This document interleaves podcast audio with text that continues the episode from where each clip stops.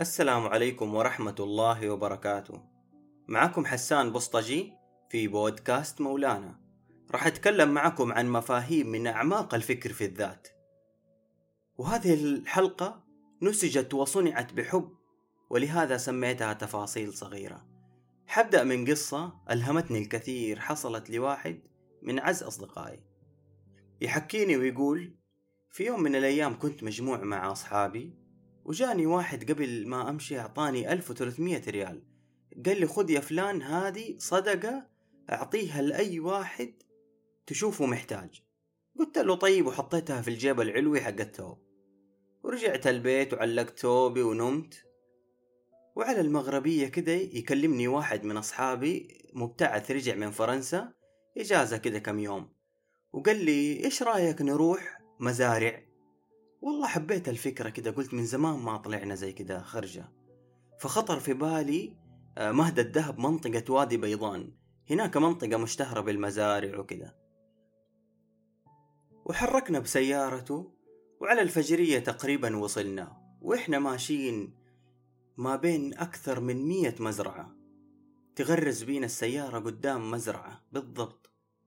فحاولنا في البداية نطلعها ما قدرنا. واضطرينا إن نطلب المساعدة من الناس اللي في المزرعة هذه.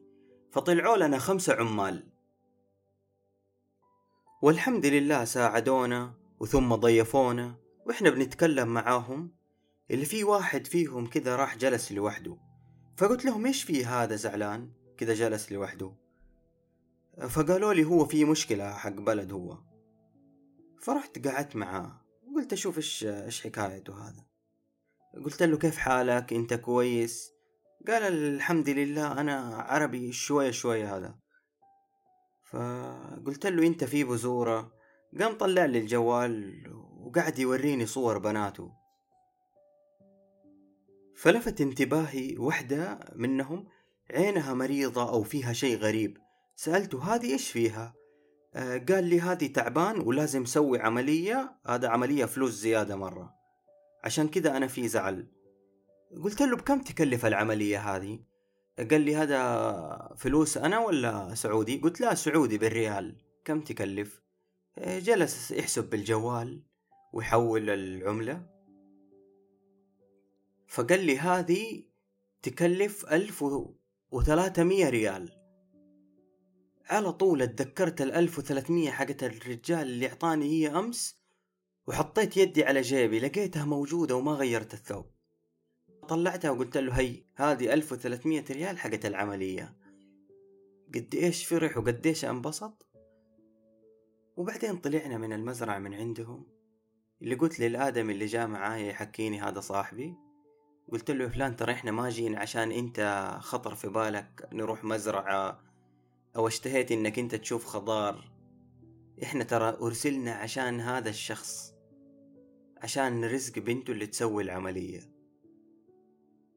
فأول سؤال أسأله نفسي ماذا لو؟ ماذا لو هذا الشخص ما خطر في باله إنه يروح مزارع؟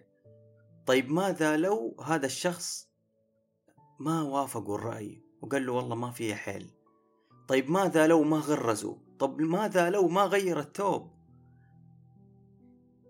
فإجابة هذه الأسئلة هي جملة واحدة. خيوط القدر بلا شك. طبعا القصة دائما تخدم الفكرة سواء سماع أو قراءة. والقراءة هي كأنك تضيف عقول الآخرين إلى عقلك. ركز مع التفاصيل الصغيرة قديش ممكن تصنع فوارق ولا تتعلق بالفوارق العظيمة ممكن ما تحصل. كمثلا في قصة سيدنا موسى. دائما ننظر إنه سيدنا موسى ضرب البحر بعصاه فانفلق.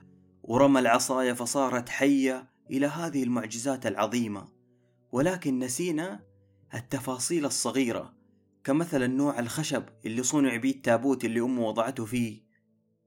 قوة الموج اتجاه الريح في هذاك اليوم اللي وجه التابوت إلى قصر فرعون مزاجية فرعون في ذاك اليوم إنه سلك لمرته وقال لها طيب خلاص نربيه. تفاصيل صغيرة جعلت منه نبي الله موسى. وركز في تفاصيلك أو التفاصيل الصغيرة. وحياتك هي أصلا عبارة عن خيوط قدر ومجموعة تفاصيل ولحظات صغيرة. فأعطي هذه اللحظات قيمتها. وأعيد وأكرر ركز في تفاصيلك أو التفاصيل الصغيرة. ستعلم معنى الله الذي وجدت وليس الذي عرفت. والمعنى إنه إيمانك بالله من قراءتك وتعليمك مختلف عن إيمانك بالله من خلال تجاربك الخاصة. وأصلح نفسك. عندما تكون الشخص الطيب راح يكون الله معاك وعندما تكون الشخص السيء سيكون الشيطان معك. فشوف أنت مين الأقوى وبناء عليها تنسج أقدارك. ولا تجعل يعني عقبة واحدة تحرمك من مئة طريق ممهد ولا حزن واحد يحرمك من ألف فرحة. ولا تجعل حاسة واحدة تمحي بقية حواسك الأربعة. انظر للأمر دائما بعين الفائدة. ومو لازم تشوف الطريق كله واضح يكفيك إنك تشوف خطواتك وإنت بتتقدم. إذا رضيت ومن ضعفك بكيت؟ مو مشكلة. أهم شي تنام وتصحى على يقين. وأختم بهذه الأبيات الرقيقة. وقل للنفس إن فقدت رجاها سيأتيك الذي ترجوه يوما فلا تعجل عليه وإن تأخر.